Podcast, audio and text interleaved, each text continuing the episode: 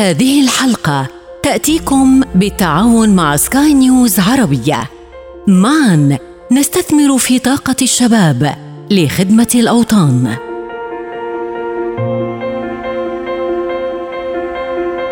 حكايتنا هي انعكاس لذواتنا وقصتي هي امتداد لقصتكم نعم لم أقابلكم من قبل ولكنني أشبهكم في الكثير أنا مروة السرحدار من مصر وهذه قصتي قصتي؟ أول رحلة و... وأنا حاصلة على رتبة قبطان بحري. كان إحساسها مختلف قوي بالنسبة لي إن أنا كنت حاسة ان الطفلة اللي كانت داخلة وعندها قلق كتير قوي بقت عندها ثقة في نفسها آه، بقت قادرة إنها تنقل خبرتها لناس حواليها وناس تحت التدريب قصتي. كنت بحاول آه، أركز آه، على على الفكر الإيجابي وكنت بحاول أركز إن أنا آخد الانتقادات اللي بسمعها دي وأحاول إن أنا أغير وجهة نظر الناس فيها بتحقيق ذاتي فيها. قصتي. سواء والدي والدتي إخواتي الولاد آه كانوا داعمين ليا جدا فأهلي طبعا ليهم الفضل عليا وعمري ما كنت هوصل للمكانة اللي أنا وصلت لها لولا مساعدتهم. أهلا بكم. أنا إيناس بوعفيف وسأستمع معكم اليوم إلى قصة ضيفتنا في بودكاست الشباب العربي. هي امرأة بقلب الأسد. تحدت وسرت على درب طموحها عنادا بمن قالوا لها توقفي لن تستطيعي المواصلة. بذكائها وإصرارها وثقتها بنفسها خيرت مهنة يظنها المجتمع حكرا على الرجال. هي الشابة مروى السلحدار أول قبطانة مصرية عربية. قصتي.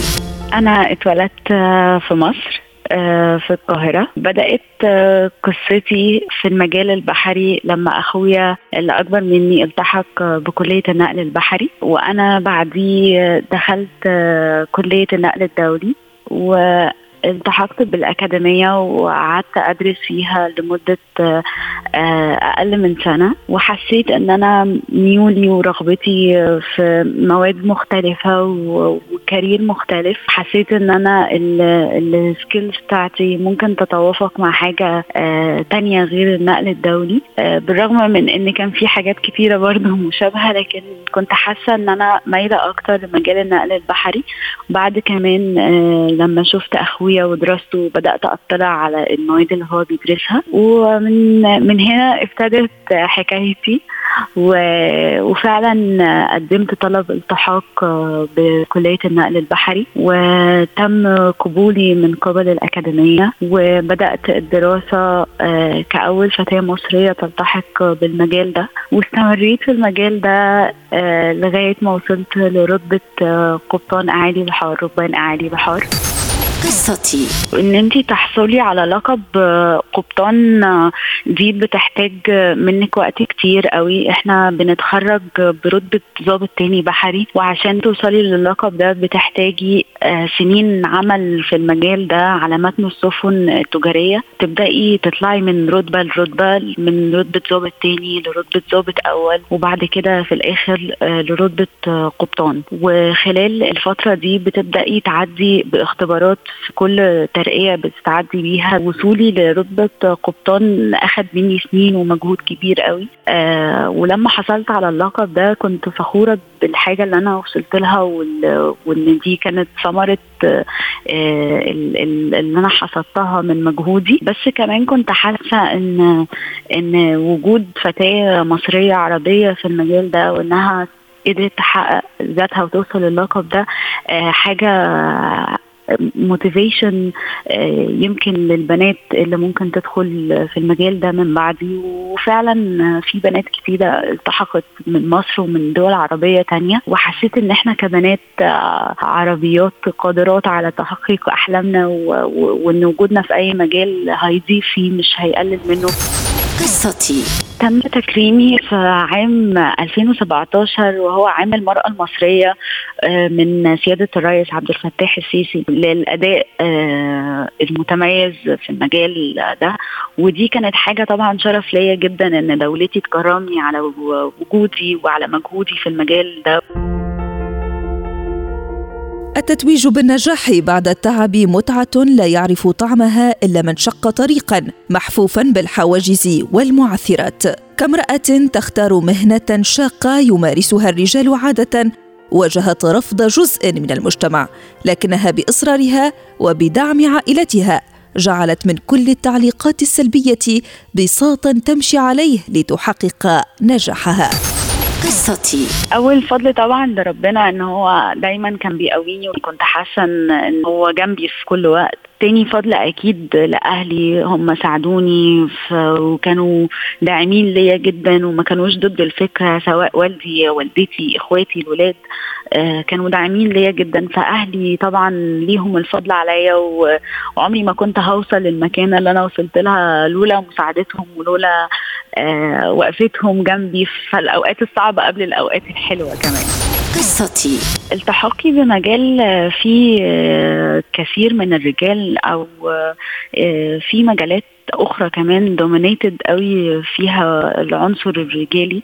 آه، فأكيد بيبقى رد الفعل أحيانا في مجتمعنا العربي بيبقى غريب شوية. يمكن التفكير آه، الدايفرستي يعني في مجالات كتيرة اتغيرت وبقت وجهة نظر الناس مختلفة. بس مجال البحر مجال شاق جدا على وجود حد فيه إن هو يعمل بالأشهر بعيد عن أهله بعيد عن الناس اللي حواليه. آه، وإنك كمان تبقي في مجتمع الناس اتعودت إن هو الذكور بس اللي بيعملوا في المجال ده.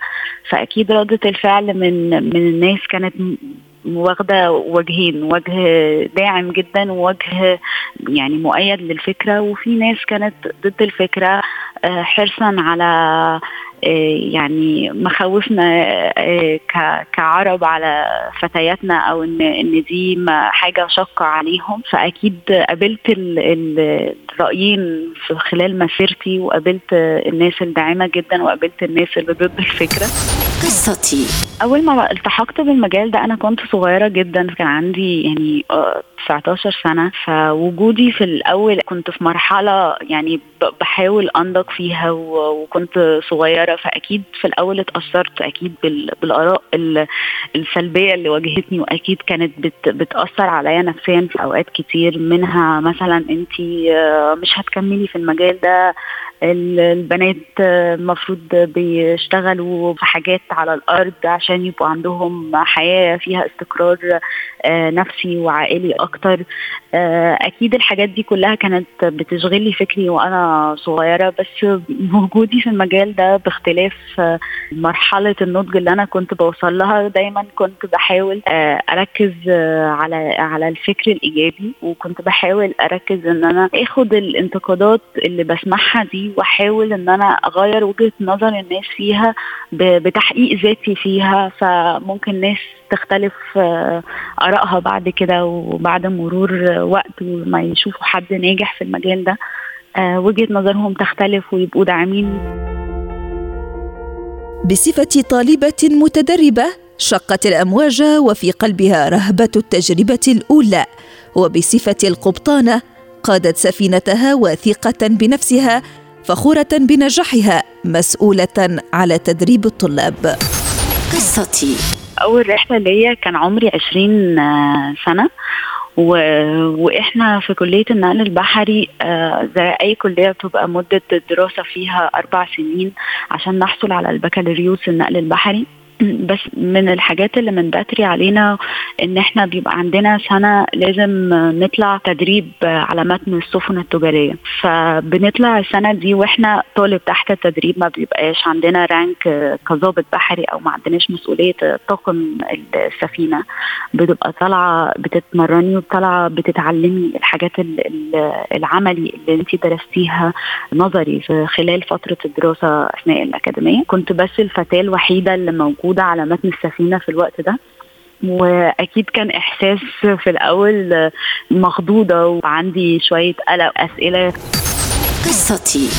أول رحلة و... وأنا حاصلة على رتبة قبطان بحري آه، كان إحساسها مختلف قوي بالنسبة لي إن أنا كنت حاسة ان الطفلة اللي كانت داخلة وعندها قلق كتير قوي بقت عندها ثقة في نفسها آه، بقت قادرة إنها تنقل خبرتها لناس حواليها وناس تحت التدريب وناس معاها في الطاقم آه، حسيت بإن حتى الكيمستري ما بيني وما بين طاقم العمل آه، كانت مختلفة تماما عن وجودي كطالبة. كنت حاسة ان ان إن البنت الصغيرة كبرت ووصلت للي هي عايزة توصل له وكنت حاسة بمسؤولية كبيرة قوي ما كنتش حاساها وأنا طالبة. مسؤولية آه، إن انت خلاص بتعملي وعندك مسؤولية إن انت ظابط على المركب مسؤولة بأرواح ومسؤولة آه، بسفينة كاملة دي كانت طبعا آه، مخاوف أكتر تانية من المخاوف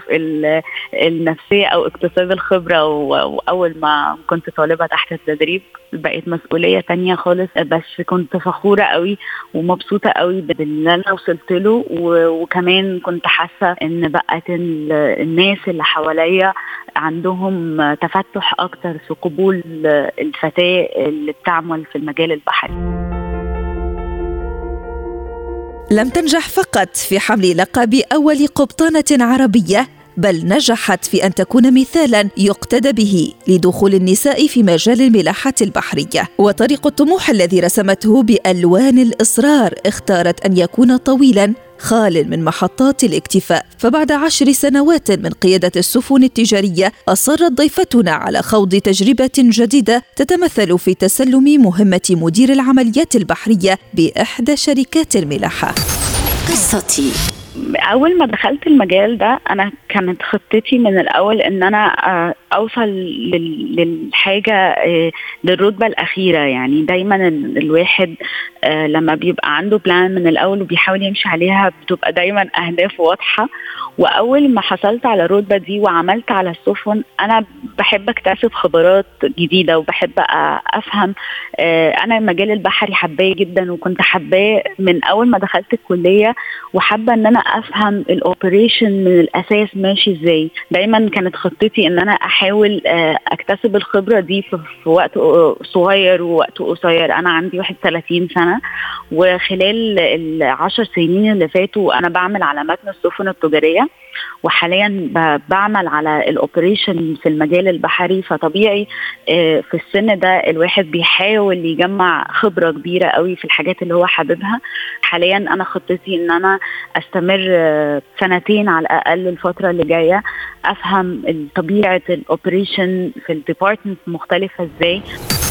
قصتي؟ طموحي يصل لأبعاد كثيره قوي. أول طموح ليا أول ما دخلت المجال ده إن المجال ده يبقى في فتيات كتيرة وإن لو في فتيات بتحب إنها تبقى تعمل على متن السفن التجارية إن هم يحصلوا على فرص ويحصلوا على آه، مكانة ليهم في المكان ده وتقدير من الناس اللي حواليهم. وحقيقي السنة دي ال International Maritime Organization عملت يوم مخصوص للاحتفال بوجود المرأة في المجال البحري.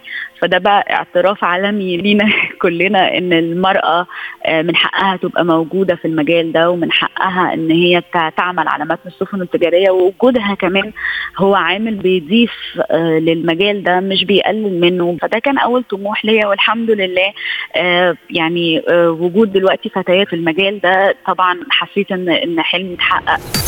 قصتي.